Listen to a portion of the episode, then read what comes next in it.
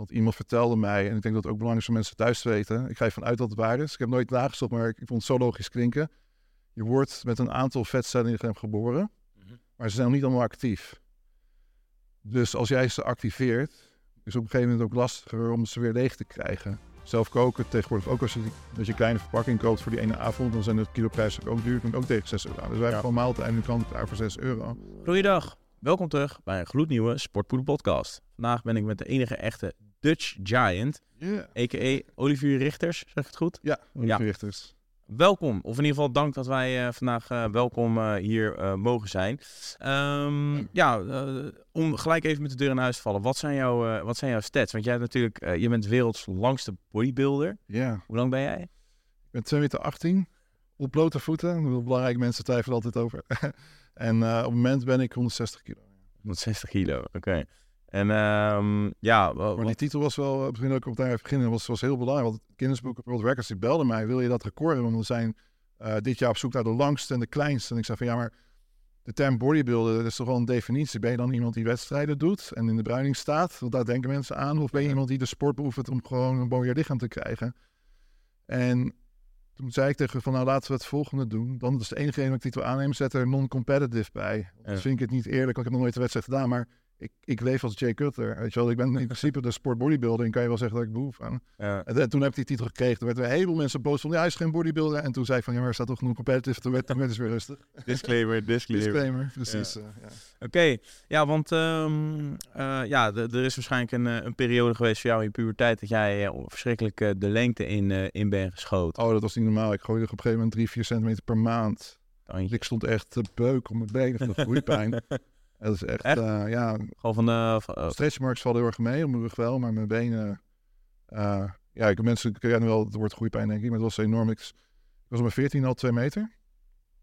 Ten 17 was ik 2 meter 10. En op mijn 19 2 meter 18. En toen hield het op. maar ik op mijn 2 meter, 14 jaar, had ik een foto van laten maken. Dan kunnen ze schatten hoe volgegroeid je botten zijn.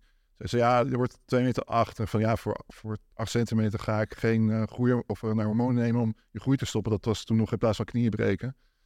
Uh, maar ja, toen was ik 2 meter 10. En dan denk ik van ja, laat het maar zitten. wel. maar blij dat ik het niet gestopt heb uiteindelijk. Want het is toch wel een deel van mijn carrière nu. Ja, ja.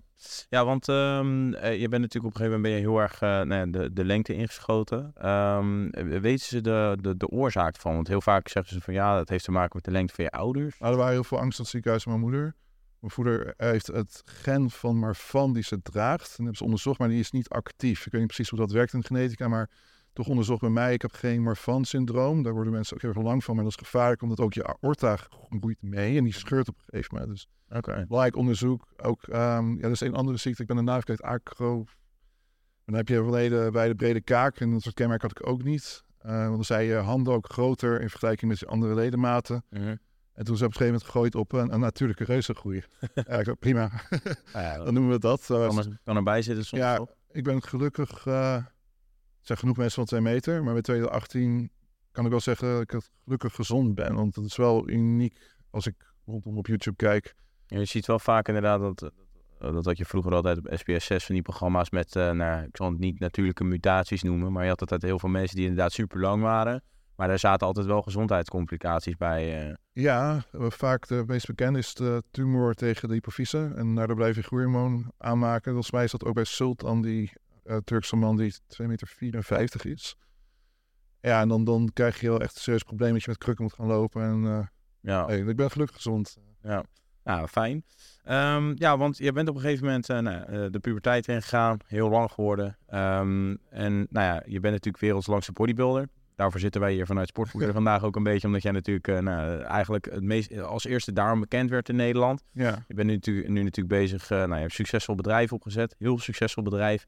Um, en natuurlijk ook dat je bezig bent met een filmcarrière. Uh, waar begon het voor jou met bodybuilden? Dat jij dacht van, dit is iets wat ik wil gaan doen. Want je, ja, je bent natuurlijk uh, tijd doorgekomen. Even denken hoor. Nou ja, het probleem was als je tot 2 meter 18 werd uitgerekt. En je hebt nog, en je moeder weet niks van voeding. en ik at twee keer per dag. Uh, misschien een toetje een derde dan. Uh, ja, dan weet je, onder de 2000 calorieën. En ik was 80 kilo bij 2 meter 18. Dat is heel weinig. Ja, ik, ik, ik, uh, ik heb daar niet eens een foto van. Um, dus dat was zo graad mager dat je dan ook heel onzeker bent. Ik ging dubbele t-shirts dragen, weet je, wel, dat soort dingen. Extra wijde broek in de hoop dat het niet opviel. Uh, tot wat mijn broer op een gegeven moment zei van, ja, waarom ga je niet trainen? Want hij deed dat het vroeger in zijn jeugd. Hij is tien jaar ouder dan ik. En zo is het een beetje begonnen.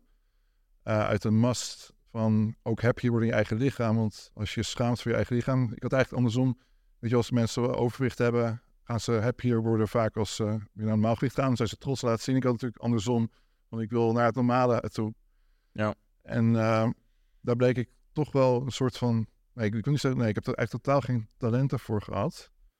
Uh, maar wel de wil. Dus uh, ik, heb, ik, ik, niet, ik heb niet echt uh, bodybuild geen, maar wel de doorzettingsvermogen dat ik het nu al 15 jaar doe. En ja, de eerste jaar kwam ik meteen al 10 kilo aan.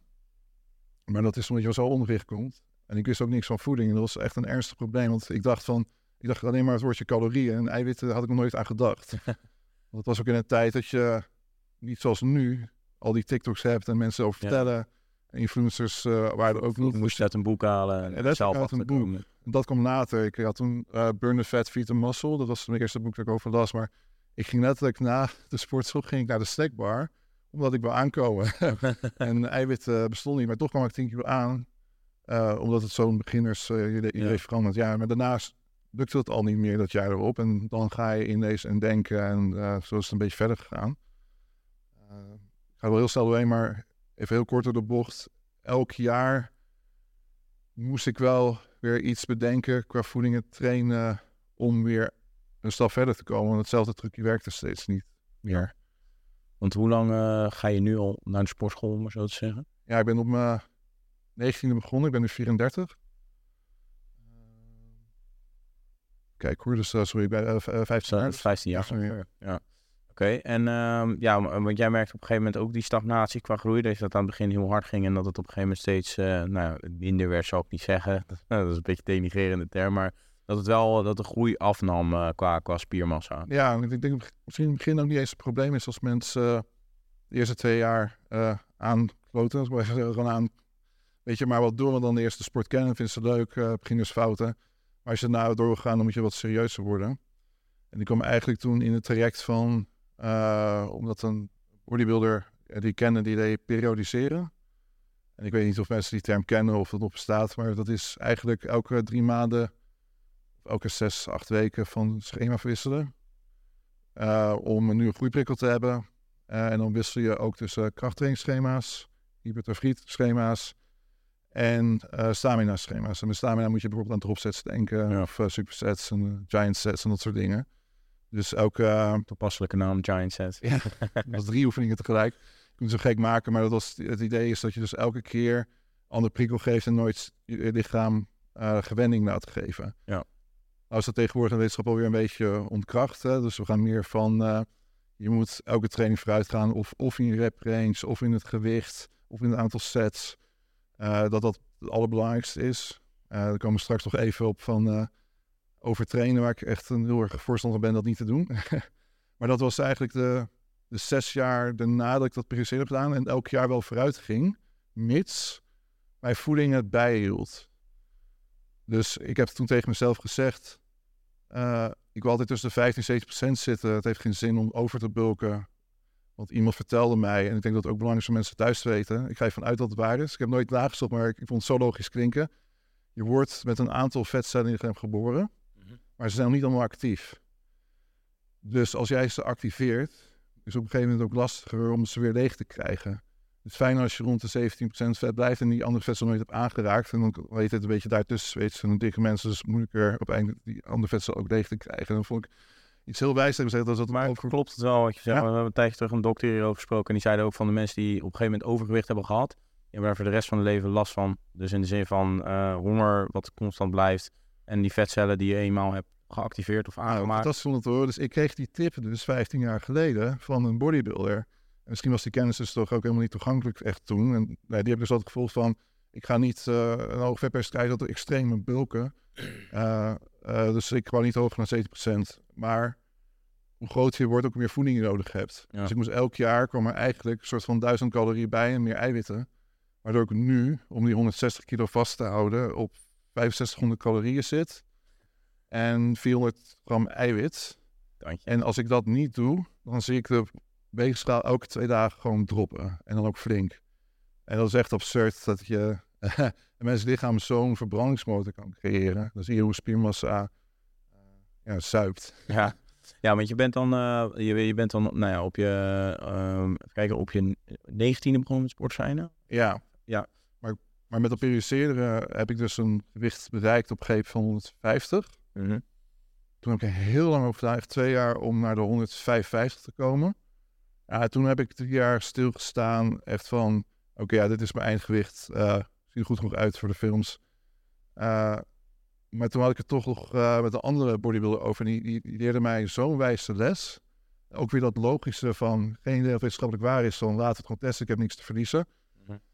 En dat was in de eerste redenering wat hij zei, is als jij, in principe kan jij eh 300% sterker worden. Dus stel dat jij begon met bankdrukken van eh 40 kilo, op een gegeven moment kan je 120 kilo. Maar jouw herstelvermogen wordt nooit 300%. Dat betekent hoe sterker je wordt, hoe meer schade jij creëert, maar je herstel kan er niet bijbrengen. Dus hoe groter je wordt, hoe minder je moet gaan trainen, wil je nog groter worden. En dat vond ik zo wijs, dat ik van ja, eigenlijk als je twee weken niet traint, zal je bijna geen spiermassa verliezen. Dus als ik minder ga trainen, ik loop geen gevaar, ik blijf toch op 155 kilo hangen. Dus laat het gewoon eens testen. Dus ik heb op een gegeven moment een jaar lang echt eh, niet, niet om de dag getraind, maar soms wel twee, drie dagen verschil ertussen. En de training ook veel korter gemaakt. Uh, Minder volume. Ja, veel minder volume. Minder junk volume. Ja. Dus dan praat je echt over één of twee sets per oefening. Vaak maar set één, maar zo diep gaan dat je daarna klaar bent. Want hij zei ook van, wat heeft het voor zin? Zei hij tegen mij, als jij eh, iemand op de uh, iemand knock-out hebt geslagen, en dat noemt hij je spier. Jij ligt op de grond en daarna ga je nog op zijn zicht rammen. Hij is al knock-out. Ja. Dus als je één set goed doet, dan is klaar. En dan heb je die goede prikkel bereikt. Maar dan moet je wel die wilskracht hebben om één set, want anders, heb, anders het niet goed is gegaan, dan moet je nog een keer. Dus dat is echt gewoon, dat betekent dus ook dat je alleen maar de gym in gaat als je top voelt. Uh, en niet afleiden, muziek op, één set en die mag je niet verkloten. Ja. En met die instelling ben ik gaan trainen, veel meer rust. En in dat jaar ben ik naar 160 gegaan. En dat vond ik, wauw. Dat is wel leuk. Dat, uh, er zit best wel een beetje een overlay in, in de, in de oude materie, zoals jij dat omschrijft. Of in ieder geval de, de bodybuilders die je toen een tijdje terug sprak. Uh, daar zit wel een overlap in. Uiteindelijk komt het wel een beetje op hetzelfde neer. Want er is nu ook steeds meer onderzoek wat naar buiten komt. Omdat nou, vroeger begon je natuurlijk met bench. Je ging je vier, vijf sets doen. Uh, en nu blijkt ook alweer met de, nou, de gesprekken die wij met de experts voeren.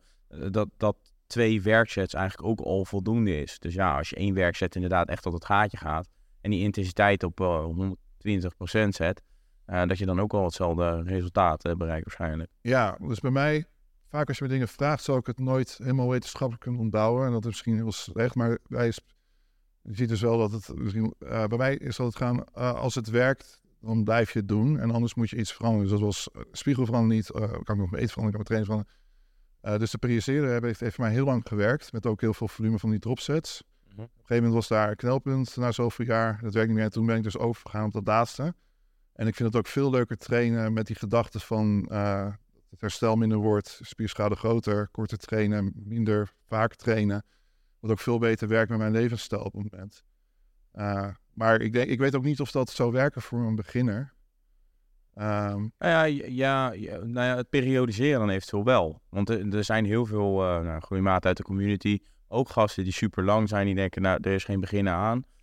Um, die gewoon bijna niet aankomen. Stap 1 is natuurlijk genoeg eten. Dus ja. dat is natuurlijk de eerste stap om aan te kunnen komen. En natuurlijk fatsoenlijk trainen. En ik denk dat dat periodiseren, dat dat op zich wel maar kan werken. Maar ook motiverend, want elke keer heb je weer iets anders en begin weer iets ja. nieuws. Dat is ook wel leuk. Uh, maar dat, dat voeding, wat je zegt, oh, dat vind ik zo zonde. Ik heb, kijk, omdat ik die bekendheid erbij gecreëerd heb en uiteindelijk zoveel kilo aankomen, heel veel mensen naar me toe in de gym. Het lukt me niet om aan te komen, op spiermassa aan te zetten. En het eerste wat ik als vraag is van, kan je een beetje zeggen wat je eet? Ja, s ochtends begin ik met uh, eieren. Ik zeg, hoeveel ei? Twee ei. Oké, okay, dat is, is dat uh, 15 gram eiwit ongeveer. Ja. Uh, weet je wel, en dan ga ik ze een beetje stuf geven. Ja, En uh, ze willen steeds heel veel bonen, want er zit veel eiwit in. En dan zie je, dan merk je het, het verschil niet tussen plantaardige eiwitten en dierlijke eiwitten. Ja. En dan probeer je het een beetje te leren. En dan, uh, ja, dat is vaak de kennis is het probleem met de voeding. Dus mensen zijn heel willig in de gym om uh, te trainen. maar dan laten ze de voeding te ver achter. En dat is dan zo jammer van hun tijd. Dan, dan brengen ze al die spierschade aan en dan verpesten ze thuis. En dat is natuurlijk leuk van Muscle Me dat we de high protein meals hebben. Ja. En heel makkelijk kan meal prep met onze zakken. Dat je daar iets minder aan hoeft te denken. En vaak al meteen goed zit. En dat helpt de beginnerstuk ook enorm. En daarnaast merk ik in de gym. Dat is, uh, zal zijn naam niet noemen, want dat echt zoals ik luister. Maar een, uh, uh, bijna een familie, zeg maar. En ik heb hem al heel lang gezegd, je moet stoppen met zes keer of vijf keer per week trainen eigenlijk. En dan twee uur lang. Die gast vond het zo leuk om te trainen. Maar jarenlang kwam kon hij niet vooruit. Ik zei, maar waar ben je mee bezig? Ja, ik weet dat ik niet, maar ik vind het zo leuk. Nu eindelijk, na vijf jaar, heeft hij spijt. Ik had moeten luisteren naar je, want wat heeft hij vijf jaar gedaan? Hij is geen kilo aangekomen. En hij at wel goed, maar dat is dat te snel, te vaak, gewoon te vaak trainen. En niet de kans geven om je spier te laten groeien. Dus dat heb ik dan wel, uh, je, dat is dat je spier in eerste instantie gewoon uh, herstelt naar zijn normale gezonde staat die je had. En daarna pas de periode van versterken komt. In theorie zeg ik dan ook uh, tegen mensen van... betekent dus niet dat je de, meteen als je geen spierpijn hebt... weer die spiergroep mag trainen. Leg er nog even een extra dag tussen... zodat hij nog even dat één extra stapje kan hebben... voor het geval dat hij bezig was te versterken. Dus wat gebeurt er als je vijf, zes keer per week traint... of mensen die twee keer per week een spiergroep trainen... omdat ze hebben gelezen in de wetenschap dat moet... want dan extra prikkels dan zeg ik van, ja, heb ik geprobeerd, het werkte niet. Weet je wel? En als het wel voor jou werkt, blijf het doen. Maar als jij in een half jaar tijd geen verschil ziet, stop dan alsjeblieft met en ga iets anders proberen, weet je wel. Dus die mensen die allemaal met twee keer per week dezelfde spiergroep, uh, volg dat alleen als je ziet dat het heeft gewerkt. Want ik, heb heel erg twijfels bij. ja. Ja, precies. Ja, ik, ben, ik ben er zelf ook schuldig aan hoor. Ik train nu ook al vijf en een half jaar, uh, ja, vijf, zes keer per week uh, minimaal. Het kan. En twee maar, keer per week, ja. Maar, maar, Voor mij werkt het. Alleen ik Ja. ben ook weer een heel bijzonder persoon. Bij mij werkt mijn stofwisseling niet super snel. En bij mij gaat spiergroei wel weer heel makkelijk. Dus ja. En ik zorg wel dat ik minimaal acht uur per nacht slaap. Dat scheelt ook een hele hoop. Ja, maar op de manier hoe ik nu train, spier is dan heel veel dagen kapot. Zou bij mij in theorie ook niet twee keer per week kunnen isoleren om te trainen? Hoe doe jij dat dan?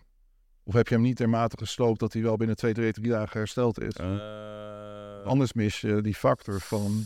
Ja, ik heb op zich wel factor. dat ik ehm, ja, het gevoel heb dat ik hersteld ben. Maar als dat niet zo is, dan train ik ook niet op maximale intensiteit. Dus dan is het eigenlijk een onderhoudsrondje. Dus dan zou je in principe kunnen zeggen van één keer per week wel tot intensiteit. Ja, want ik heb nog nooit een training gedaan met een oefening set eh, niet tot extreem falen ben gegaan. En dan is het ook klaar. En dan is dus mijn theorie, theorie ja, van waar wij heeft gewerkt, lang genoeg laten rusten en niet oppakken. Maar dat is ook iets wat ik later pas heb gedaan. Met de gedachte van als ik niet train, verlies ik toch geen spiermassa. Dus ik heb niks te verliezen. Dus Ja. laat gewoon extra rust daar. Want die ben natuurlijk in het begin heel erg bang. Eh, FOMO-effect. ja, van oh, ik heb, ik heb deze week niet genoeg getraind. Straks verlies ik het. Die angst moet je een beetje kwijtraken. Ja, nou ja, ik heb altijd al vanaf, dat, dat, zeg ik altijd, altijd. Ik heb vanaf het begin af aan al gewoon getraind omdat ik het leuk vond. En niet, zeg maar, progressie is iets wat er bij mij bij komt kijken. En ik probeer het wel te optimaliseren. Maar ik doe het echt puur alleen voor om, te trainen omdat ik het leuk vind. En niet om spiergroei te maximaliseren. Dat Nee, is uiteindelijk dat is het gevolg Dus dan heb je het over je doel. En dat Ja, Er inderdaad. was gisteren iemand, ik was bij eh, Bo en die, en die regisseur naast me, die is aan het trainen. Ik zei van shit, ja, misschien heb je gelijk, misschien moet ik niet zes week trainen. Maar ik zeg, maar wat is je doel? Ja, fit zijn. Ik zeg van, ja, dat is een ander doel dan ik. heb, Weet je wel? Dus Fit zijn is al bij, vanaf eh, twee keer per week sporten volgens mij. Dus ja, dat, maar eh, als hij leuk vindt zes weken trainen en eh, en zijn doel is niet om rondingen te krijgen. Nou, laat hem lekker zes week trainen, dat zei ik ook tegen hem. Maar ik zeg, als jou, weet je wel, ander doel hebt. Kijk, ik verwacht dat ik ooit naast Dwayne Johnson de Rock sta. En eh, ja, dan wil ik wel 165 uiteindelijk wegen. ko- kooigevecht tot de dood. ja, nee, maar ik, ik heb echt een, een doel en een must. En eh, daar moet je ontzettend veel voor doen. Wil je nog iets eh, verder komen. Ja. En dat is misschien ook verschil. Als jij zegt ik ben aan het onderhouden, ja, dan is het gewoon leuk. hè. ja. Ook trouwens doe hoor. Ehm, ik moet zo meteen naar Canada naartoe. En ondanks dat het hele grote praatrol is, is het een ontzettend grote vechtscène. En waardoor ik ook acht uur per week zo meteen moet kickboksen daar.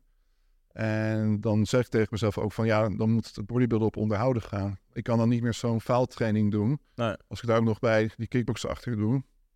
Ik ga niet eh, groeien meer. Nee. Dus dan kan je beter gewoon 30% Nou ja, dat zijn dan ook je doelen die je op dat moment ja, aanpassen. Dat, ja, dus eh, dan train ik op 30% eh van mijn bodybuilden.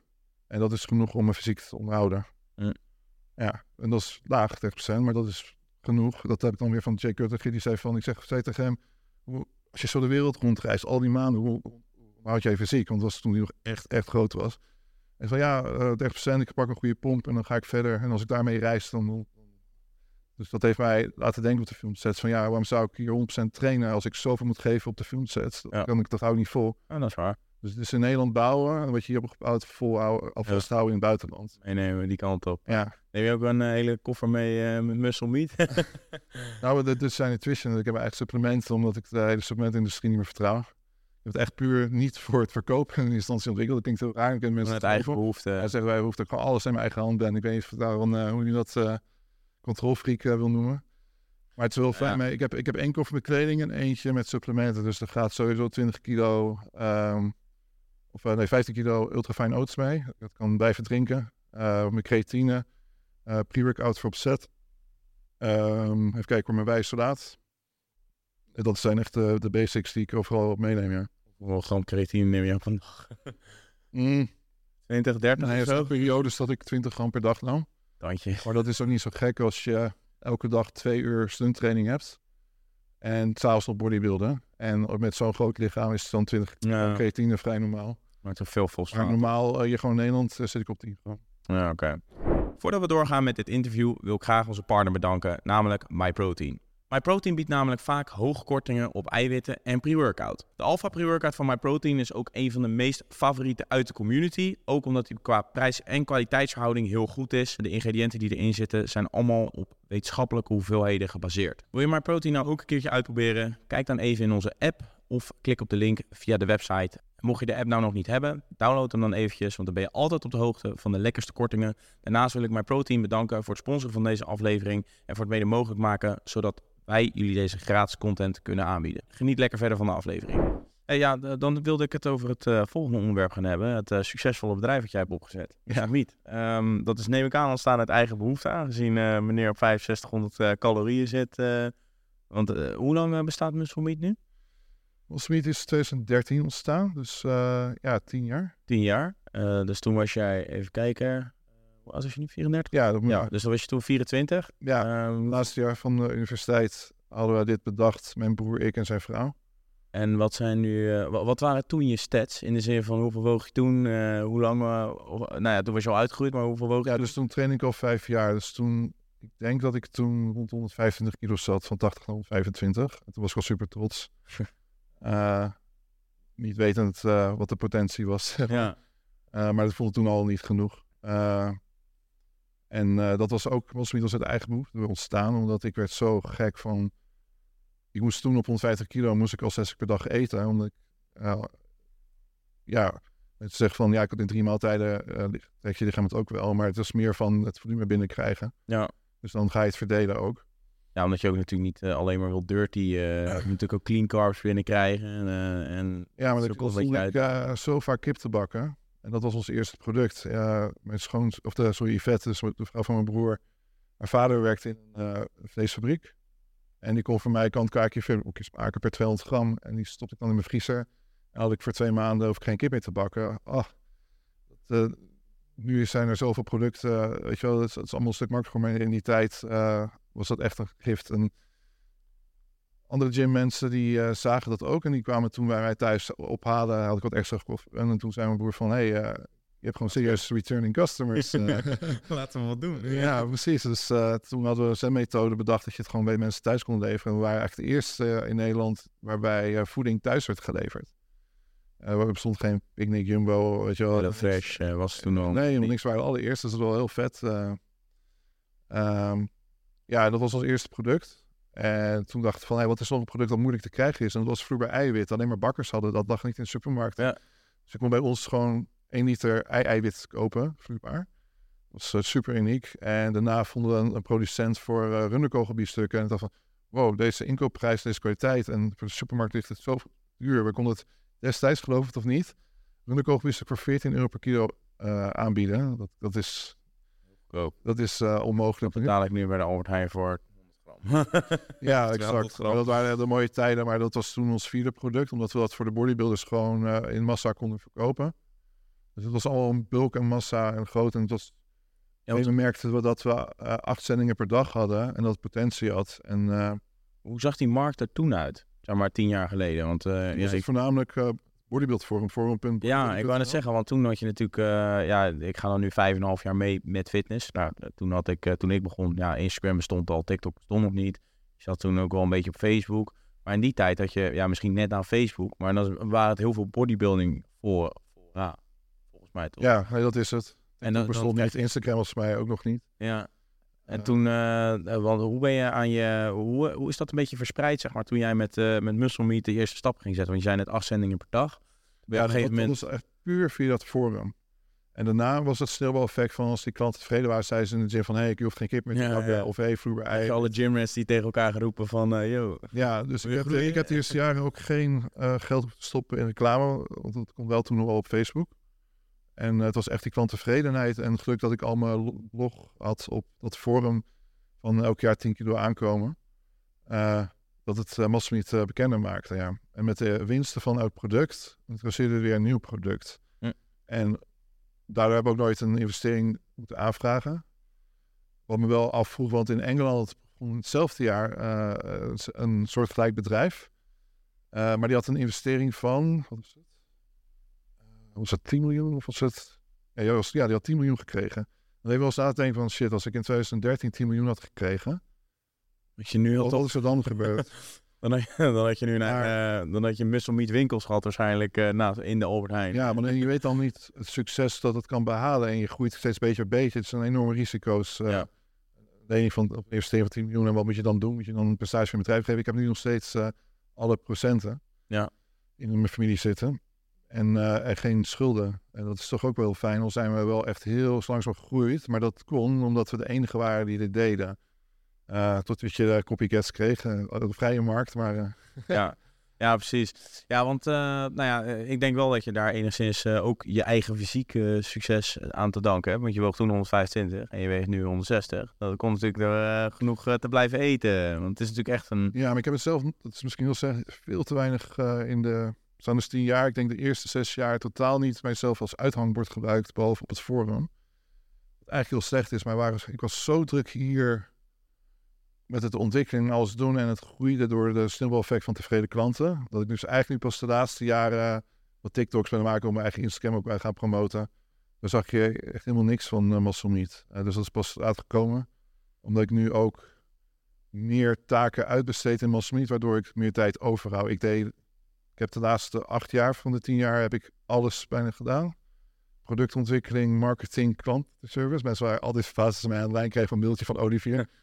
Um, financiën niet, maar ik had uh, vijf banen tegelijk, zeg maar. En dan had je ook geen tijd eens meer over om de... de ja, ook om te trainen daarnaast. Dan, uh... Ja, en een vriendin. En, uh, katten, je moet ook iets geven. Nee. dus, uh, ja. Hey, want um, ja, hoe, hoe is dat? Want je bent natuurlijk, nou ja, je zei van, uh, we zijn begonnen bij die bodybuilding uh, forums of fora. wanneer, zeg maar, van 2013 tot 2023? Ja, waar, ja, nou, de eerste grote verandering die we moesten maken, ik denk dat ik daarop inhaak op je vraag, is dat het logo. Ik weet niet of je ons allereerste logo kent. Dat was een gespierde bodybuild arm. Ik denk dat niemand erbij niet kent. Misschien kan ik hem nog eens terugvinden. Dat je je in de video kan stoppen. Ja. Maar die was zo extreem.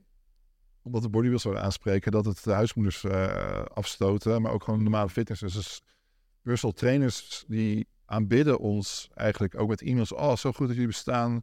Want uh, mijn cliënten die komen trainen en dan eten ze thuis niet goed. En dan gaan we niet vooruit en dan krijg ik de schuld van mijn trainingen. Dat daar komt op neer. Maar ze willen het niet bij jullie kopen. Uh, een heleboel van mijn cliënten. Omdat uh, ze zeggen van, uh, oh die gespierde arm is ook als een anabole arm uit. dus dat werkte niet. Dus we zijn nu toen nog vrij snel na drie of vier jaar, en drie jaar denk ik al, het logo veranderd dat we nu hebben.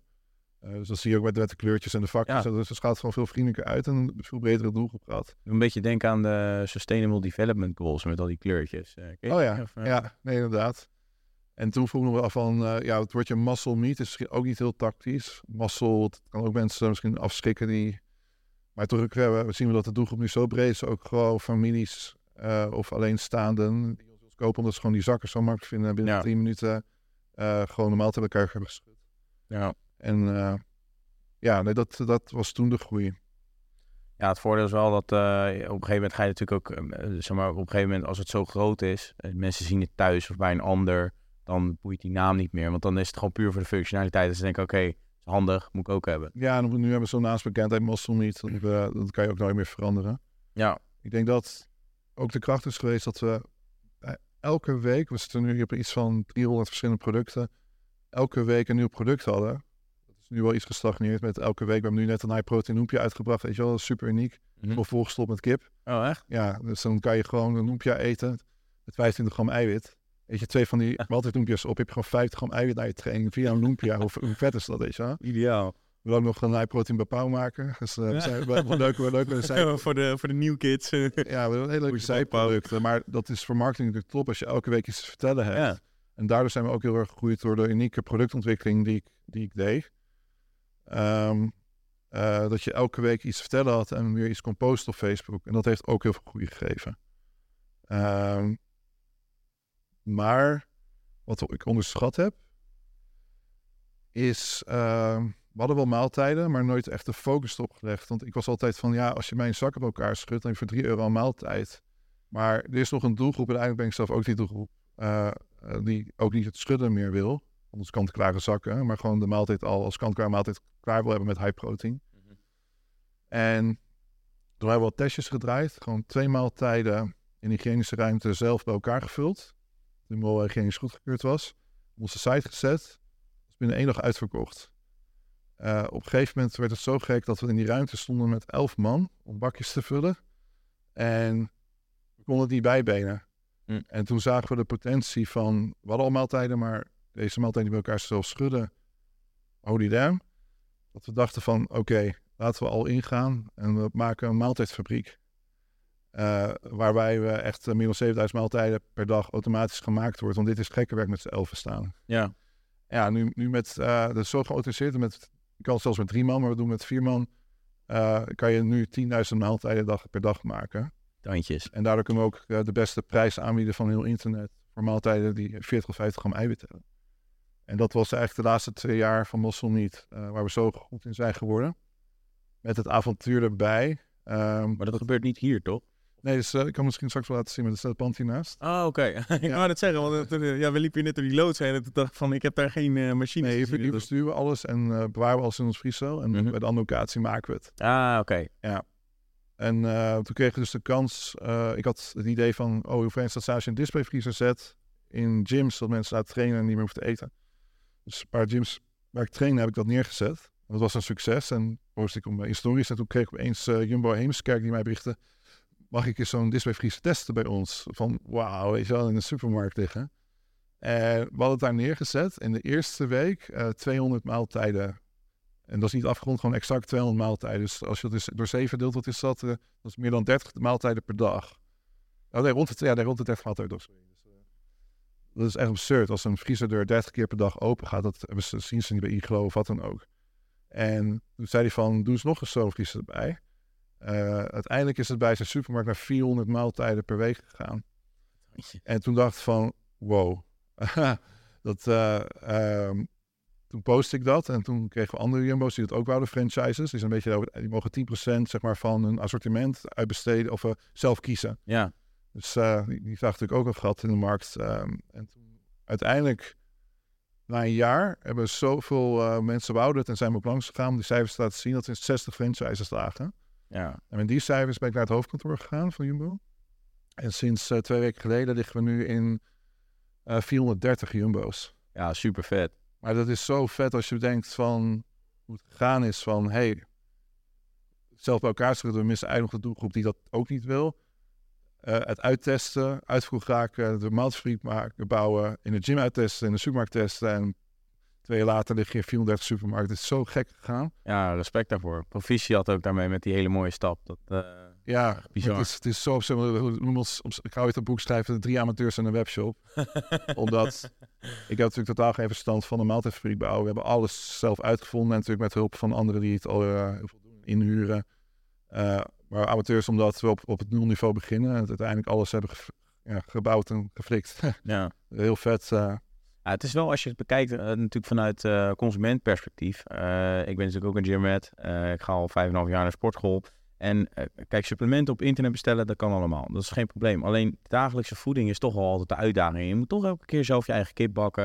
Het is natuurlijk al een volledige ontzorging dat je bij Muscle Meat gewoon kan bestellen en dat het gewoon bij je thuis komt. Mm. Alleen het is inderdaad als je de supermarkt inloopt en je wil eigenlijk gewoon een maaltijd. Het enige wat ik ooit voor mezelf dan altijd deed, is dat je dan van die kant-en-klare iglo zakken, om maar zo te zeggen. Ja, en daar heeft zoveel vlees bij gegooid. Voor. Inderdaad, blikje tonijnen bij en that's it. Alleen, het is niet, daar, daar moet je alsnog een pan voor hebben. Weet je wel, je wil gewoon iets dat je in de magnetron kan knikken en je klaar is. Als je uitrekent, kom je ook tegen de 6 euro aan. Ja. is mijn ervaring. En zelf koken tegenwoordig ook als je, als je een kleine verpakking koopt voor die ene avond, dan zijn de kiloprijzen ook duur, kom je ook tegen 6 euro aan. Dus wij hebben gewoon maaltijd nu kant klaar voor 6 euro. En als je nog steeds ons one minute meal prep concept gebruikt met die zakken, en je, je rekent dat uit als je ook zakt het aan het gram weet, dan kom je rond de 3 euro uit per maaltijd. Als je er 150 gram bereid vlees in stopt. Dus, ja, uh, dat als mensen dat, dat is dus een kracht van als moment ontdekken, dan blijven ze ook. Uh, vanwege de prijs, maar ook omdat ze het geproefd hebben. Want we maken die kip zo goed en de rijst perfect dat moeilijk thuis is na te bootsen. Ja, dus zo'n consistentie. Dit hoor, ik, dit hoor ik echt vaker van mensen. Dat mensen zeggen, ja, ik kan zelf wel gelopen koken, maar het heeft geen zin. het is net zo lekker. Ja, maar dat is de consistentie van... Die, die machines zijn natuurlijk zo perfect als er altijd hetzelfde water wordt gebruikt, al dezelfde temperatuur, dezelfde tijd eruit wordt gehaald. Uh, dat is echt kwaliteit. En dat is soms moeilijk thuis uh, na te bootsen. Ja. Hey, ja, nou ja, super mooie stap. Twee, sinds twee weken geleden bij de Jumbo. Uh, nou ja, steeds meer nationale bekendheid, internationaal natuurlijk ook. Daar komen we zo meteen nog eventjes op terug. Wat, uh, wat is jouw uh, verdere nou, toekomstvisie wat betreft ja, muscle meat? Welke kant wil je op?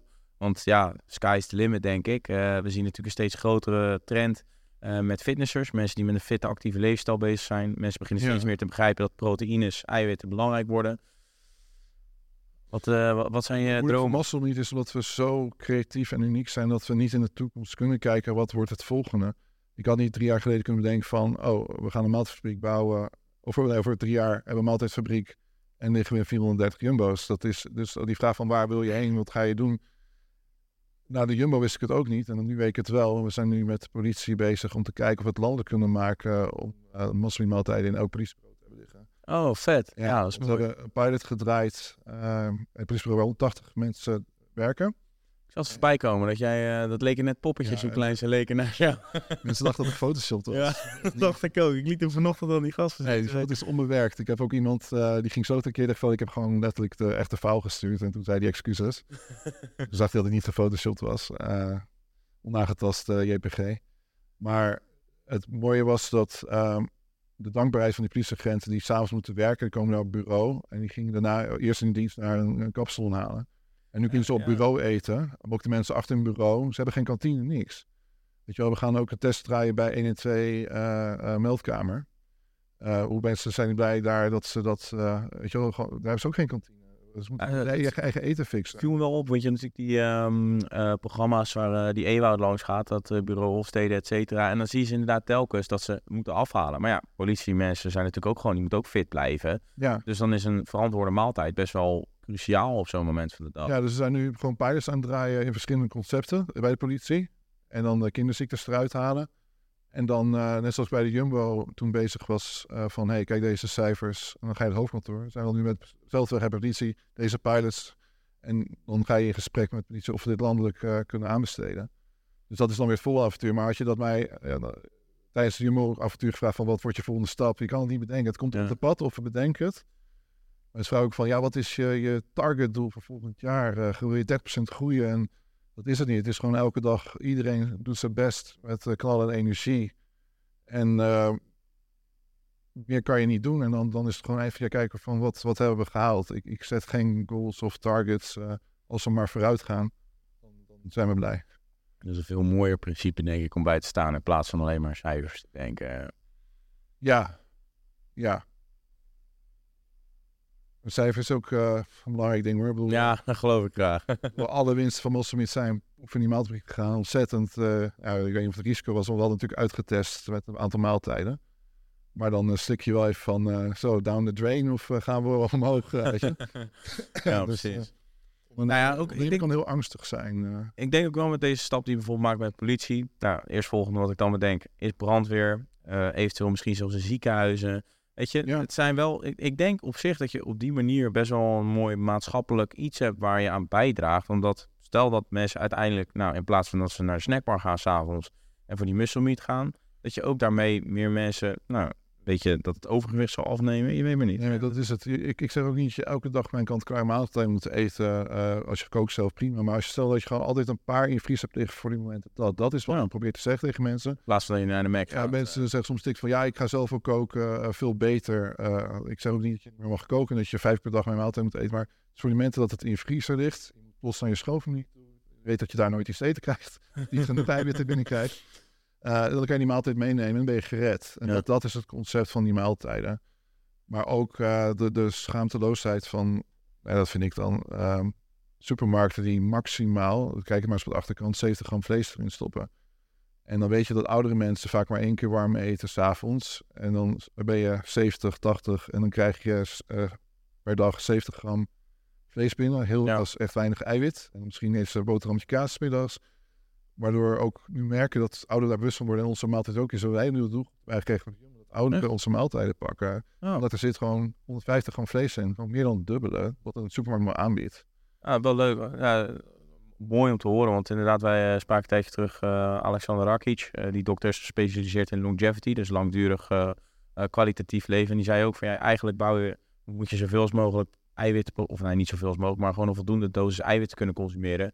Om gezond oud te worden. Nou, nou eigenlijk dat in jongere jaren al doen, maar... Mijn vader is 76 en hij zegt hetzelfde. En die, die, neemt mij salaat en die neemt sowieso een maaltijd van ons per dag. En dan daarnaast de normale dieet. Dan heeft hij ja. een enorme eiwittoevoeging per dag. Ja, zeker. Je moet een vader keer zien hoe die op 76 is. Ja, wij, wij eten in Nederland, eten wij heel... Uh, sorry, wat wil je zeggen? Nee, ja, maar ik zie hoe fit mijn vader is. Ik wil niet zeggen per se door de maaltijd kom, maar het helpt wel. Uh, ja. 70 bent en dan gewoon je voeding op orde hebt. Nou ja, ik, en dat is ook iets wat ik nu leer, maar voor de rest van mijn leven zal meenemen dat ik uh, eiwitrijk zal blijven eten. Deze generatie gaat dat meenemen. Ja, en want dat is wel het ding. Uh, dat valt mij heel erg op als ik dan thuis eet. Is dat wij in Nederland eten wij heel eiwit, eiwitarm. En ik denk ook wel dat uh, nou, muscle daar een goede oplossing slash toevoeging voor is. voor, voor het eiwitarme dieet dat wij in nou, Noordwest-Europa vol, eventjes zo te zeggen. De, ja, en dat zal waarschijnlijk ook wel een beetje verklaren waardoor uh, er zoveel overgewicht is. Want als je geen eiwit eet, dan ga je waarschijnlijk meer vetten en uh, koolhydraten eten. En als je al die uh, lekkere dingetjes liggen tegenwoordig, dan kan het heel hard Ik heb zoveel succesverhalen ook via de Jumbo en ook in mijn Instagram van vrouwen of mannen die zijn afgevallen met de maaltijden. Dat ze verzadigd raken door die extra eiwitten en een beheersing hebben nu in de avond. Onze websiteprogrammeur, uh, die was zo zwaar overgewicht, 150 kilo, die werkt op afstand. Ik moet hem zo Nando, wat eet jij? Je bent bijna even zwaar als ik. En toen zei hij van, ja, ja s'avonds, ik eet dan uh, bijna niks middags. En dan s'avonds uh, twee lasagna's, omdat ik moet het bijeten. Weet je, je, snapt het niet. En toen heb ik een beetje basisdieet gegeven met twee vetvliesmaaltijden in de middag. Heeft die vraagzucht niet meer s'avonds. Ja, en die valt gewoon 30 kilo af in, wat is het in twee jaar tijd uh, gewoon heel rustig, maar stabiel naar beneden. Of van dat soort verhalen. Maar ook, dat heeft ook met die eiwit te maken. Dat het ja. is, want wat ga je anders eten? En dan krijg je koolhydraten in de vetten. Insulinepiek, vreet, uh, vreetkick, uh, krijg je dat weer. Yep. Ja, oké. Okay. Um, nou ja, dat, dat was het hoofdstuk uh, muscle meat. Uh, super interessant om uh, ja, daarover te horen en mooi om te zien ook wat voor groei het heeft. Ik denk ook dat dat echt, en dan meen ik oprecht, dat dat een mooie maatschappelijke bijdrage is. Het is natuurlijk wel een bedrijf, maar het heeft wel een bepaalde impact op mensen, wat gewoon echt voeding aanpassen. Want dat is het belangrijkste. Laat ik ook zeggen, misschien is het leuk voor meat dat ik zelf bij eigen klant ben. Dus alles wat ik hier ontwikkel is voor mijzelf. en omdat ik zo extreem ben met zeven keer per dag eten, uh, die 500 calorieën 400 gram eiwit, en nog steeds uh, het lekker moet vinden, want anders krijg ik niet binnen. Als ik in het extreme het lukt met die producten, dan kunnen jullie het daar ook mee. Ik denk dat dat een beetje het concept is. Uh, het is allemaal uitstaan van mijn eigen behoeften. En alles wat ik tot nu toe ontwikkeld heb, heeft niet gefaald omdat mensen het ook wouden. En dat is, dat is zo tof. Misschien een leuke, uh, of voor het hoofdstuk misschien niet leuke afsluitende vraag. Denk je dat het ooit ontstaan had, al had jij niet zo'n verschrikkelijk hoog nou, calorieënbehoefte gehad? Nee, was het nooit, nooit ontstaan. Want het is helemaal ontstaan omdat ik zo bezig was met aankomen. En dat ik het uh, koken zat raakte. Het moet beter, goedkoper, makkelijker. Dat is het hele idee van Mosbees. Nee, ja. als ik deze denkte nooit had gehad, was ik nooit aan die sport begonnen. Was het ook niet ontstaan. Ja. Dus eigenlijk, is, ik heb ook vaak gezegd, deze denkte begon als een vloek. En is een gift geworden. Ja, oprecht. Ja. Ja, want dat, dat is het volgende ding wat ik wilde aankaarten wat betreft gift geworden. Uh, je bent natuurlijk buiten dat je in Nederland heel erg bekend bent als uh, nou, de, de, de, Nederlandse reus, de Dutch ja. Giant. Natuurlijk uh, wereldrecord non-competitive langs de bodybuilder. ben je natuurlijk ook carrière gaan maken als acteur. Um, nou ja, jij vliegt straks naar Canada toe voor iets wat we nog niet mogen vertellen waar je ja. gaat verschijnen. Maar dat zijn ook wel mooie stappen die je natuurlijk aan het maken bent. Um, want welke films ben je tot nu toe in verschenen? Nou, het, het is begonnen, uh, misschien ook even bij het begin beginnen, want dan weet je ook de eerste film. Oh ja. Dat is dat, ik wou nog iets met deze denk te doen. En basketbal was nooit gelukt. Omdat ik uh, een jumper sneak kreeg. mijn benen, want toen bodybuilde ik ook niet. Kijk, als jouw quads sterk zijn, dan wordt je knie ook ontlast. Meer ontlast. En ik ging springen met, met, met zwakke benen en mijn knie ging helemaal stuk van basketbal, waardoor ik twee jaar niet meer kon lopen. Dus toen had ik het basketbalverhaal. Ik nooit iets bij mijn gedaan. Toen bodybuilden, weet je wel, dat kan ik ook geen wedstrijd met deze lengte van doen. En toen dacht ik van, ja, wat is wel heel leuk om iets bij mijn nek te doen. Ging ik door die casting doen, ze schrijven in Nederland. En stond ik bij uh, Carlo Boshart uh, van uh, tv-kantine, was ik Lurch. En toen merkte dat ik het leuk vond. Gegeven moment, uh, ja, kwam ik dus tegen die 150 kilo aan, nu 160. Maar bij die 150 dacht ik van, hey, die mouten van Game of Thrones, kan ik dat niet doen? Of hey, Alien vs Predator, ik ook hoe lang is de gast in dat pak van Predator, weet je wel, 2 meter 10. Zo, oh, vet. zo ging ik doorkijken, ik zag van, jezus, Darth, Darth Vader is ook wel 2 meter. En toen, ik zag, op een gegeven moment had ik gewoon 10 rollen, zag ik van, dat zou ik misschien ook kunnen doen. Toen heeft het me meest van twee jaar gekost om een agent in de filmwereld uh, die daar hetzelfde in geloofde. En Nederland uh, geloofde niet in mij. Uh, naar casting. zei van nee, je hebt geen acteursdiploma, dan help je niet. Ik vraag me af of ze dat nu nog zouden zeggen. Als ze het arrogant bedoeld, maar als ze nu in de Jones zien, dan denk ik van shit. Ja. Er was ook een andere agent in Amsterdam die zei van ja, ik kan je wel bij Vikings introduceren, maar als ze vragen kan je acteren, dan, dan moet ik zeggen nee. Want ik heb je nooit gezien. Ik zeg ja, maar kan je het dan niet anders brengen van ik heb een hele goede Viking, dat maar iemand die daarin past mag hij een casting doen, dan kan ik mezelf bewijzen. Maar die mensen begrepen het niet. Mm. Ik heb eigenlijk uh, uh, ben ik naar Comic Con gegaan en daar ontmoette ik degene die Darth Vader één keer heeft gespeeld. En ik zei van, hoe ben jij de film gekomen? En zei van, ja, hier heb je, uh, je had wat dingen uitgezet. Ik heb opeens gebeld voor een hele B-horrorfilm, maar het was een film in het buitenland. Daar, en daar heb ik mijn filmagent ontmoet. Want overal actrices zei van, hé, hey, je moet mijn agent eens bellen. Ik zeg, maar waarom heb ik een agent nodig dan? Want dat, dat begreep ik geen ook niet, want ik was zelf castingdirector aan het aanschrijven. Ik heb nog gezegd, ja, nee, castingdirectors praten niet met acteurs. Ze praten met agents, want agents hebben al de goede acteurs eruit gepikt. Dan hoeven de castingdirectors niet de, Ja, de, de idolsfiguren die niet kunnen zingen eruit te pikken van, van acteren. Dus dat is een beetje hoe het spelletje werkt. Mm. En die agent zei tegen mij, eh, die Jason, die zei, eh, nou laten we, ik zie de potentie en wat jij bedoelt met eh, Mountain en dat soort dingen. Ik weet ook niet of je kan acteren, dus ik kan mijn naam ook niet zo op spel zetten, zegt hij. Uh, dus we het vol afspreken. Ik regel castings voor je als ik zie waar je bij past.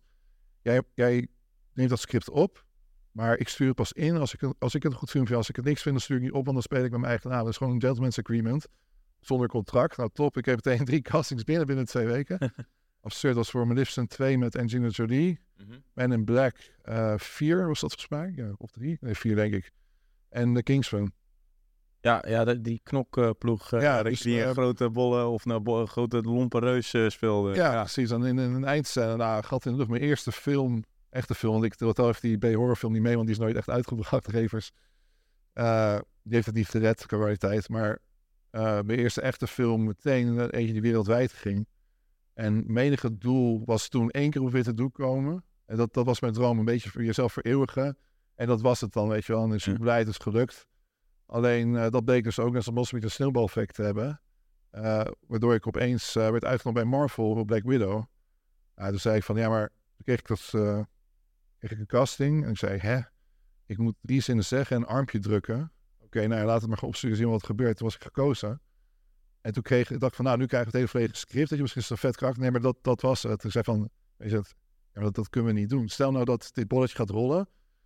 En dan heeft Marvel ooit mijn gezicht gebruikt. Maar dan kan, kan ik nooit met Marvel meedoen omdat ik een armworstelwedstrijdje gedaan. Dan zei mijn agent van ja, je moet het doen. Want als jij Marvel op je IMDb hebt staan, eh, dan vertrouwen mensen ons. Want je bent al een keer goedgekeurd door zo'n bedrijf. Ja. Eh, dus heb ik die rol gedaan. En eh, ja, het gaat van het een naar het ander. eh ik weet niet je leuk vindt, al de hele reis door. Ja, ja, ik, Ja. ik vind het super interessant. Nou, het leuke van Marvel was dat, dat was ook echt insane, is dat ik had die armworsteling gedaan. En eh, ik zou naar huis gaan en toen moest ik op gesprek bij de scriptschrijver en de producent, de producer. Ik zei van Olivier, we hebben die scène gezien. Jij bent geen mens. Jij, we hebben, weet je, zit, zit tegenover eh de hoofdkarakter en je bent zo groot en buff. Het, het staat nergens op tegen de Captain America van Rusland. Hij heeft zijn naam kwijt in het karakter. Ehm Eh, ja, ik ben ook even... dus Red Guardian. Oh ja, ja, ja. En uh, zeg, we hebben lopen scrollen door uh, alle oude strips en we gaan een superheld maken genaamd Ursa Major. En ik, ik hou van Marvel, maar mijn kennis ging ook niet zo ver, dus ik zocht hem meteen op. En ik van, wow, dat is de, de Hulk-versie van Rusland. Dus, dus in plaats van dat je een Hulk transformeert, transformeer je in een beer. Dat was de Rusland-versie, zeg maar. En als je dus nu een, uh, goed hoort en die film luistert, dan zegt dus de Red Guardian tegen mij Ursa. En dat was een easter egg van dat ik een mutant was. Uh, dus de eerste mutant eigenlijk in, in Marvel. Dope. Ja, dus heel blij dat ik die rol gedaan heb. En uh, ja, toen zei mijn agent van... Ja, eerst moeten al die films uitkomen, weet je wel. Want dan zien ze je en zo. Maar het bleef maar gaan, de een film naar het ander. En, weet je wel, een Borderlands gedaan met Kevin Hart. Ook, natuurlijk gewoon ja, van blijdschap gehuild in mijn huiskamer. Heel vet aan Kevin Hart en Jamie Lee Curtis. Uh, maar uiteindelijk nu Indiana Jones gedaan. Het punt was... Um, de tactiek van mijn agent was van... In het begin moeten we gewoon jouw IMDb vol krijgen. Dat je niet die reus uit Nederland bent, maar die reus uit Marvel ja. of uit iets anders. En dat is enorm gelukt de laatste drie jaar. Omdat we nu zijn geëindigd in Indiana Jones, wat ook weer typecasting was. Um, want het is een hele simpele rol. Met weinig tekst, maar wel in de grootste film ooit. En nu naar Jones zijn van, nou, we hebben het nu uitgespeeld, het plan. Weet je wel, je staat vol. Typecast-rol, je rol werd steeds groter. Nou moeten we naar het volgende niveau. En dat is echt, we gaan nu alleen nog maar casten doen voor tekstrollen. En daar had ik in die drie jaar natuurlijk al enorm voorsprong door al die acteurs te bestuderen op de filmset. Hoe ze dat doen. En ook uh, met mijn acteercoach in Nederland. Buitenweg uh, geoefend. En toen gingen we eigenlijk alleen castings doen met grote tekstrollen. En mijn derde tekstrolcasting is nu raak.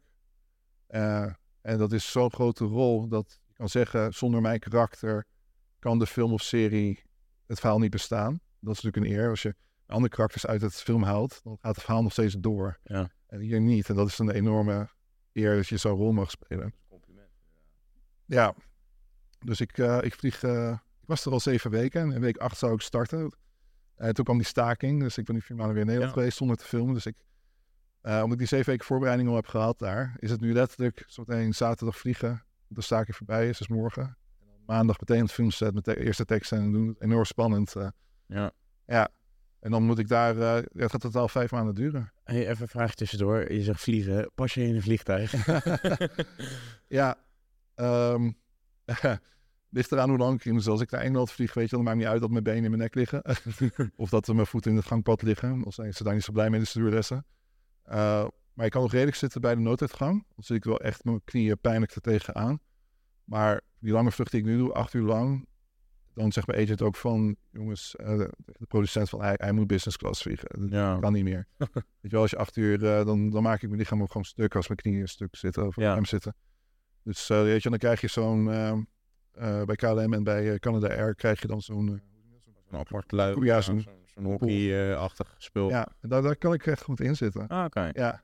ja. niet liggen, is het- maar, wel, eh, maar zitten. Nee, de wc, eh, dat is een ander verhaal. Dat moet met deur open en de benen eruit. En eh, dan moet ik even vragen, kun je zorgen dat er niemand binnenkomt? Die, die kleine hokjes, daar pas ik echt niet in. nee, dat geloof ik wel, ja. Zoals ik heb daar moeite mee om naar binnen te komen. Maar jij bent 43 Nee, dat is lastig. en- met acht uur vlucht, dan moet je wel twee keer gaan. Ja, ja, ja, dat geloof ik. Ja, ja. Ja, ja nee, zoals je al zei aan het begin, eh, gift en a curse, eh, dat er gaat. Ja, nee, het heeft heel veel mooie dingen, ook heel veel eh, kwalijke dingen. Het is niet makkelijk hoor, 2 meter 18. Als nee, je dat aan- geloof ik graag. op je 19, 218 bij iedereen een staartje aan. Weet je, Ja, je bent natuurlijk, ook- ja, kijk, nu ben je natuurlijk een bekend eh, fenomeen, een bekend gezicht. En eh, je hebt het geluk dat je gezond bent, dus dat is ook fijn. eh, want er zijn natuurlijk heel veel mensen met die lengte die nou, complicaties hebben daarin. Dus eh, dat gaat, eh, eh, je hebt het eh, mooi weten te, te combineren, zeg maar, om er ook carrière van te maken. ja, Ja, want wel over jouw eh, nou, carrière gesproken. Je hebt natuurlijk net eh, heel uitgebreid verteld over nou je filmcarrière. Ik denk dat er nog veel meer aan zit te komen in dat opzicht. Ehm, hoe doe je dat allemaal qua, qua tijdsbesteding? Want je, je sport natuurlijk ook nog. Nou, ik vind het dat je het wel heel beleefd dat je dat vraagt, want ik snap het zelf ook soms niet. Maar het begint bij mijn familie. Dus Masmiet is echt familiebedrijf. Dus we gunnen elkaar alles. Dus ik niet normaal als ik een medewerker was geweest van hé, ik ga vijf maanden Canada naartoe. Dat kan niet. Het begint bij Masmiet dat ik daardoor de vrijheid heb, omdat nu alles wordt overgenomen. En ook deze job heeft die vrijheid gegeven op de filmset. Want voorstellen, ik kom heel vaak daar eh, om zeven uur aan en dan hoor je pas, want dan gaan ze pas denken, wat gaan we als nemen? En dan ben ik pas middags nodig. Om vier uur. Wat ga je in tussentijd doen? Ik open mijn laptop. Ik ben gewoon net zoals hier daar aan het werk. Ja. Eigenlijk mastermeet ik daar continu en doe ik tussendoor de films. Want acteurs zijn ze eigenlijk een heel eenzaam bestaan. Je moet je zelf extreem goed kunnen vermaken om zomaar naar het buitenland te gaan en daar te zitten. Het is, het is 99% is wachten daar totdat je eindelijk op set mag. Dus dat is één. Door Mastermeet kan ik dat doen. Het goede team van eh, mijn bedrijf. Eh, de mogelijkheid dat ik alles online doe op mijn laptop. Maar ik weet niet of de woord workaholic eh, past, maar zo'n drive bij mij elke dag op te staan om dit avontuur te beleven. Want het zijn gewoon misschien drie jobs tegelijk. Het is mijn lichaam. Vanwege het zeven keer per dag eten, op de dag trainen, eh, daarvan herstellen. Dat is al een heel zwaar al bijna een fulltime job. hè? ja, omdat je het op professioneel probeert te doen. Nee, ik, ik heb het ook tegen Jack Curtis gezien. Ik deed letterlijk als hem. Hij heeft ook, zat ook iets van 6, 6500 calorieën. En probeer de stress zoveel mogelijk te vermijden. Dat is lastig hier. Ehm, dan heb je de job van ondernemers zijn. Hè. Dus ik heb drie bedrijven. Tal Origin voor de broek, eh, mijn supplementen, de Nutrition en het grootste muscle meat. En ehm, ja, derde beroep eh, acteur zijn. En dat probeer ik allemaal te mixen. Ja, Tandjes. Ja, dat is best wel uit. het was heel fijn ook dat mijn vriendin hier werkt. Mm. En eh, haar, zij, mijn familie ook haar gunt om mee te gaan naar de filmset. Dat ik er niet alleen ben. En zij heeft ook een job hier gecreëerd dat ze achter de laptop daar kan doen. Ja. Dus het, ik, ik kon het niet verzinnen op papier tien jaar geleden. Het is allemaal zo vloeid en gelopen. En dat is ook het voordeel, omdat je, je zei natuurlijk eh, aan het begin eh, van de podcast van eh, ja, we hebben geen investeringen gehad. Dus het is een volledig familiebedrijf. Dus dat geeft jou ook weer de ruimte om nu verder te groeien met hetgene waar je nu mee bezig bent. Ja, daar heeft geen bank in je nek of een investeerder van wat gaat Oliver nu Ja, of een aandeelhouder die vindt van hé, hey, ik vind dat je hier moet blijven. Of iets. Maar wat we wel hebben gezien, dat is natuurlijk leuk qua marketing, is dat hoe bekender ik werd door de films door de jaren heen, word je het ook weer bij je nek uitgenodigd en Bo en Humberto. Eh, en dan zat ik dan stiekem met mijn logietje. Op verhaal dan, ik had een wit t-shirt aan en ik, ik moet nog even naar de wc, dan trok ik snel mijn shirt aan. En dan, dan ging ik in de live show zitten waar ze nog maar één minuut ging ze live en dan konden ze het niet meer wisten. of ik heel erg smerig. Maar dat ik- Ah ik leuk. keek mijn broer kijken eh, bij de, in de achterkant van de website. oh ja, hij springt opeens naar 500 mensen op de website. Ja, dat werkt wel. Maar het leuke is dat de film, waardoor ik daar kom, weer bekend geeft aan Me. Dus het, het boost ook allemaal. Is extreem natuurlijk dat ik vijf maanden weg nu moet. Maar ik blijf dan wel stories maken en ik, ik stuur ook mijn supplementen erheen en mijn maaltijden. En, Ja. eh, ik kan het allemaal blijven promoten. En dat is niet als een influencer van ik promote het omdat ze me het gratis geven. Daar heb ik een beetje een hekel aan en heb ik nooit vaak toegepast bij Muscle Meat. Maar ik, als ik het post, is ook omdat ik het op dat moment eet. Omdat ik het moet eten en Ja. wil eten. Dat is natuurlijk heel leuk dat je je eigen bedrijf, je eigen... Ik ben niet zo fan van het woord influencer, maar eh, je eigen influencer bent. Vaak eh, content creator. Ja, Eh, influencer doen me altijd denken aan Temptation Island of zo. Dat, Oh, ja. ja, mensen beïnvloeden. Dat is eigenlijk influencer betekent toch dat... Ik, beschouw ik het. wordt vaak als een negatieve lading beschouwd, zeg maar. Ja. Het, het influencer, zeg maar. Even een nieuw woord met z'n allen verzinnen. Ja. Zet het in de comments. Ja, ik noem mezelf in plaats van de meer, omdat zeg maar, sport een soort community is, noem ik het vaak community leider-achtig iets. dat is wel beter dan Ja. influencer, naar mijn mening. Maar dat. ehm hey, nog een vraagje, want ehm, ik, ja, ik, ik ben niet zo heel erg thuis in de Amerikaanse markt, maar bestaat een concept als muscle meat, bestaat dat ook al in Amerika? Soortgelijk iets. Qua maaltijden worden we ontzettend veel gekopieerd. En dat bestaat nu ook wereldwijd in Nederland overal. Ja. Maar waar we mee begonnen zijn, dat bestaat niet. Dat je zelf thuis je eigen catering service bent met die, met die zakken. Eh, en in Amerika zie ik dat ook niet alleen maar de kant-klare maaltijden worden verstuurd. We zijn echt zo uniek dat we meer dan 300 producten hebben. Een complete supermarkt zijn naast de high protein meals. Ja. En dan ook nog een eigen supplementenlijn. Wat ook vrij uniek is. Niet veel uh, uh, voedingswinkels hebben. Uh, we zijn een compleet pakket geworden. dus ik heb nog niet een tweede muscle meat gezien. Dus ik krijg heel veel berichten hoor, van buitenlandse zee. Kan, kun je muscle meat niet franchisen, weet je wel. Maar het is, het is omdat het diepvries is, het te moeilijk. Ik, kan, ik kan niet, uh, zou diepvriescontainers met daarin sturen of nieuwe producenten moeten vinden in Amerika die hetzelfde kunnen maken. Ja, ik heb, ik heb niet, uh, er bestaat maar één olivier. Uh, ik kan niet overal op de wereld zijn. Ja, dat is waar. En we hebben nog zo'n goede potentie in Nederland. Weet je, als ik zie hoe groot de, de top drie, zonder naam te noemen, uh, supplementenmerken in Nederland zijn. Ik weet hoeveel zendingen ze per dag hebben.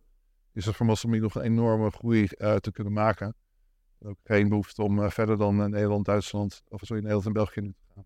Ja, nou wat zou dat uiteindelijk wel, want dat was eigenlijk mijn volgende vraag, uh, na die vraag van Amerika. Zou jij eventueel, stel dat jij zo meteen natuurlijk, of nog bekender wordt in Amerika dan dat je al bent, zou dat wel een hele makkelijke aanknoping kunnen zijn om daar bij wijze van spreken een, een muscle meat te lanceren? Omdat in Amerika is de gymbranche heel groot. Veel ja. groter dan dat in Nederland is. Ja, maar dan heb ik iemand nodig die ik per telefoon bedien en die alles doet. Want ik kan het niet, niet meer bij hebben. Ik zei net al, ik heb drie banen ah, eigenlijk tegelijk. Snap ik. Um, en dat is ook wat ik zei. Je zei van, ja, waar wil je naartoe met Muscle Meat? Dat moet op mijn pad komen, weet je wel. Ik zei net ook van, uh, nou, we zijn nu met Jumbo goed bezig en met, met de politie om het uit te kijken. Uh, het zijn grote projecten, laten we gewoon dat doen. Uh. Ja. Nou, dat, dat geloof ik ook wel. Dat, dat, dat het anders misschien too much wordt, om zo te zeggen.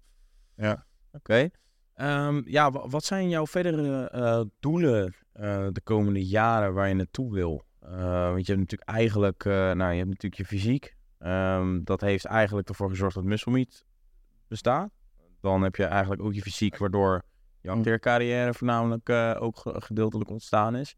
Waar wil jij, welke van de drie wil jij het meest op focussen voor de komende jaren? Dat je denkt van... Ja, bij bodybuilden wil ik uh, liefst elk jaar nog vijf kilo aankomen. Maar zoals ik zei, ik moet elke keer nog tactiek vinden. Ja. met, die, met die strategie die ik net zei, is het me vijf kilo gelukt. Uh, minder te trainen en één set harder te doen. Uh, en ik ben nu heb die 160 aangetikt, dus ik wil dat nog een jaar doen. Kijken of dat trucje nog harder kan doorzetten. Dus kijken of ik uh, over een jaar 165 kan wegen met hetzelfde vetpercentage. Dat is één doel. Want weet je wat is zoals als ik 165 weeg en een filmset is heel erg zwaar en dan drop ik naar 160, maar dan zit ik op 160. En nu is het zoals ik 160 zit, dan kan ik droppen naar 155. Dus ik wil, ik wil altijd meer en groter, want dan is het makkelijker. Als je op een gegeven moment de gewicht hebt vastgehouden, heb ik gemerkt, dan uh, verlies je het ook minder snel als je het echt uh, zes maanden hebt vastgehouden. Dus dat is heel fijn. Dus ik zit nu redelijk lang op 160 en ik merk dat ik het vasthoud. Dat is doel 1, lang antwoord. Uh, doel 2 uh, ja, de film is eigenlijk, maar dat is dus ook gelukt. Kijk, ben nieuw hebben. Ik heb dus heel lang geleefd naar een, tekst, een grote tekstrol te krijgen. En daar ga ik dus nu heen. Uh, maar er is nog geen hoofdrol. Dus misschien, is, dat denk ik nu, dat is dan de volgende doel als deze aflevering. Ja, dat ik voor op de poster sta. Maar um, ik zal het niet zo snel durven. Ik denk wel dat ik steeds een beter acteur word. En dan kan ik ook heel erg vertellen hoe dat ontwikkeld is. Waarom. Um, maar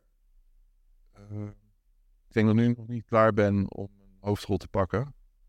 En stel dat ik die kans krijg, dan is ik heel erg vrij om dat te pakken. Maar ook grote kans hij dan afgaat. En dat, dat wil ik niet. Ik heb een paar aantal acteurs gezien die te snel een hoofdrol pakt en dan al verder gekraakt. Dus dit is wel heel mooi ook om omhoog klimmen met de filmeel. Dus eerst die typecasting. Typecasting is steeds groter en nu mijn eerste tekstrol. En dan kijken of ik dat weer een paar tekstrollen. Die vaker, en dan misschien een hoofdrol. Als dat gegund is en dat kan en dat mag. en uh, ja, met Massamit zei ik, want uh, dat kan ik niet voorspellen. Maar ik, ik, wil, ik weet uh, het aantal zendingen van nummer 1 webshop van Nederland voor supplementen. Laten we zeggen dat dat mijn uiteindelijke doel is. Dat ik net zo groot ben als dat, maar dan in voeding. Dat is ja. eigenlijk het einddoel. Maar ja, dan reken je niet je offline uh, sales mee, om maar zo te zeggen, wat je nu in de Jumbo draait. Uh, nee, dat klopt. Dat is natuurlijk ook al ja, een, een, vak apart. Want laat ik, laat ik hem zo stellen, met, met, in de samenwerking met de Jumbo, gaat dat goed? Ja. Nee, die, die displayvriezers die we bij Celsius staan, dat is absurd. En we zien dat uh, in de vriesvakken moeten mensen nog een beetje vinden. Maar we zien dat elke week uh, die er meer besteld ervan. Dus dat het groeiend is. Dat is zo ook nice, weet je wel. Um, dus dat is al twee verschillende concepten. Ja, dat het eh, Jumbo, eh, we hebben binnenkort een evaluatiegesprek en dan zei ze al van als het goed loopt, dan gaan we naar meer maaltijden in het vriesvak. Dus eh wie weet, Meters. ja, hopelijk Ja. eh, komen ze een woord na. Kijken of ze deze sales genoeg waren. Eh, dus dat is, eh, over een maand is dat. Ja, en dan, eh, nou ja, dat is dan de Jumbo. Zijn er nog plannen om bij andere supermarkten ook uiteindelijk eh, eh, daarmee te gaan samenwerken? Of zijn, liggen die nu misschien al? Als je dat mag, slash wil delen. Nou, die Jumbo vroeg aan mij eh, alleen recht. En dat is nogal wat. Wat, Ah. wat nou als de Albert Heijn aanklopt. En ik heb hun met een deal gemaakt één jaar alleen recht. Maar toen zei ik wel van ja. Maar besef ook dat ik als de Dutch Giant, als gratis, krijg dat woord weer influencer, eh, de Jumbo een jaar lang ook promoot. Hè? Eh, en je vraagt een jaar alleen recht aan mij, maar wat krijg ik dan terug? Dus ze hebben eh, marketing terugbeloofd ter waarde van een x-bedrag. Eh, en toen heb ik ja gezegd. Wetend ook dat ik misschien niet een, als een andere supermarkt aanklopt, niet meteen wil doen. je moet niet over de kop gaan. Het gaat nu heel goed Jumbo. En Een paar kinderziektes uitgaat heel snel en nu loopt het vloeiend. Eh, maar laten we dat een jaar stabiel doen. En dan dat dat kinderspel is geworden. En dan kan je weer iets erbij doen. Ja, Dus eh, dat wil ik niet te snel in groeien. snap ik. Oké. Je wilde nog wat vertellen over eh, je acteur en wat je zei van hoe je bent ontwikkeld op die manier? Oh. Ja, mijn agent zei laatst, eh, bij die laatste casting die ik heb ingegeven, toen ik nu naar Canada ga, hij zei van, jeetje, als je dit niveau nou drie jaar, vier jaar geleden had, dan staan we nu heel ergens anders. En ehm, het is iets wat, eh, ik heb gisteren die docu gekeken van uh, eh eh, wel, god, Sylvester Stallone. En die grappige, die zei exact hetzelfde. Eh, De fout die ik heb gemaakt bij heel veel castings, waarschijnlijk daar niet gekregen heb, is dat ik te scripted was. Ik snapte het script, maar ik ging zo kijken, oké, bij die regel, dan kijk ik zo en reageer ik zo en maak ik deze eh, emotie. Ehm, en dat doe je bij elk, maar dan wordt het een spelletje wat je aftikt tijdens je de camera afneemt. Ehm, maar het punt is, de menselijke emoties zijn te moeilijk om na te bootsen. Zoals ik nu ook met jou praat, ik heb allemaal gelatingen. Ik draai opeens mijn ogen weg om te gaan nadenken. Maar als je dat doet scripted, dan heb je dat niet, omdat je zo scripted bent. Ja. Ehm, dus wat dan ook zei van, ik moet het, die scène zo erg voelen dat ik op dat moment ook echt daar ben en het voel. En vaak doe je dat door moment terug te brengen uit je verleden en dat herinneren, dat gevoel op te wekken, waardoor je een gevoel krijgt. Een soort gelijk is. Ja, en, en dan speel je het. En dan, als dan alles vanzelf gaat, en de tekst komt vanzelf van je op, dat is wel de, correcte tekst, eh, dan is het echt op camera. En dat probeer ik steeds meer te leren. En dat heb ik getoond in die casting waar ik doorheen ga. En ik weet niet of het daar aangelegen is, maar mijn agent zei van wel, de beste casting ooit en ingeleverd. Dus het is leuk dat ik, als ik nu naar mijn eerste casting krijg, ik heb, ik een voorbeeld geven, ik heb, eh ja, grote rust, hè, mijn ultieme casting verloren. Dat is Halo Oh, van eh, Master Chief. Ik zelfs een traan later. Master Chief is eh 2018 een gamefiguur. Ik kreeg hem binnen, maar ik, ik had toen nog niet ervaring in castings. En ik heb die casting naast teruggekeken. Oh, wat heb ik dat ingeleverd. Die rol is nu iemand anders gegeven. Het was gewoon te, te statisch, te niet gemeend. Dat zie je gewoon. Zijn leermomenten ook eh, Ja. voor jezelf. Dus eh, niet Rome is gevaard. maar eh, dan zie je dus een voorbeeld. de groei van mijn eerste castings naar nu. Hoe dat verandert. Maar dat komt ook door die acteurs waar ik met filmset stond. Dat je kan zien hoe ze het doen. Dus heel anders. Je kan een film kijken en zien. Oh ja, zo doet hij, reageert hij, acteert hij. Maar als je dat spel van de zijkant kan zien met de camera en hoe je dat in het echt doet, dan zie je echt hoe acteren is. Ja. Dat is onbetaalbaar dat ik dat heb gekregen op die filmset. Ik kan geen acteurcursus tegenop. Ik wil niet zeggen dat ik nu daardoor de beste acteur ben, maar daardoor vooruit ben gegaan. Ja, Oké. Nou, ehm, ik denk dat we een hele hoop eh, van jou geleerd hebben. Ik vond het super interessant om jouw levensverhaal aan te horen. En eh, nou ja, de, de ondernemende mindset die je hebt. En eh, wa- wat je nou, doelen zijn, om maar eventjes zo te zeggen. Ja. Ehm, ja, bedankt daarvoor. nee, Eh, voor, jou, eh, voor jouw dat kijkers wat aan hebben aan... eh, Ik denk dat ze het super interessant hebben gevonden. Daarom mag je ook gelijk even een blauw duimpje gelijk omhoog gooien. Nee, ehm, Olivier, hartelijk, hartelijk dank. Ehm, ik ja, wens je alvast heel veel succes in, in Canada. Ik denk dat dat allemaal wel goed moet komen. Ik ben benieuwd waar je over een aantal jaar staat. Nederlands trots, moet ik hem maar zo noemen, zeg maar Ja, internationaal. dat, dat vind ik wel leuk, want ik daar natuurlijk een woordje Dutch in mijn naam. Ja, Dus ik ben best redelijk op Nederland getrost ben, maar ik merk dat, dat, dat terugkijken mensen het leuk vinden dat ik, dat ik eh, eh, dat Nederland een beetje te zien is in het buitenland door de films en zo. ja, nou dus- ja, maar met dat, voetbal doen we niet goed, dus dan moet jij het nee, maar het is leuk dat mensen eh, het elkaar gunnen in Nederland. ja, zeker. Ja, Het- dat, dat is waardeer ik ontzettend van... Het mensen- is denk ik ook wel omdat Nederlanders gemiddeld vrij lang zijn. Is het ook wel een soort relatable van, oh ja, Dutch Giant, de lange, of de langste bodybuilder. Dat was met toen Kratos deed op TikTok, die 140 miljoen heeft bereikt. Heel veel comments van, oh, hij, hij zal wel Dutch zijn. Weet je wel? Ik dacht van, ja, maar het is ook de Dutch Giant. Dat zagen ze Ja. niet. is wel leuk. ja. Ja, top.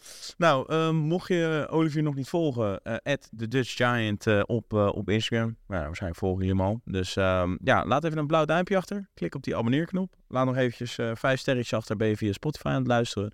En hartelijk bedankt. Ja, leuk dat je even langs kwam. En eh, tot de volgende keer weer. Ciao. Hey, thanks voor het afkijken van deze aflevering. MyProtein bedankt voor het sponsoren en mede mogelijk maken van deze aflevering. Check ook gelijk eventjes de Sportpoeder app voor verhoogde korting bij MyProtein.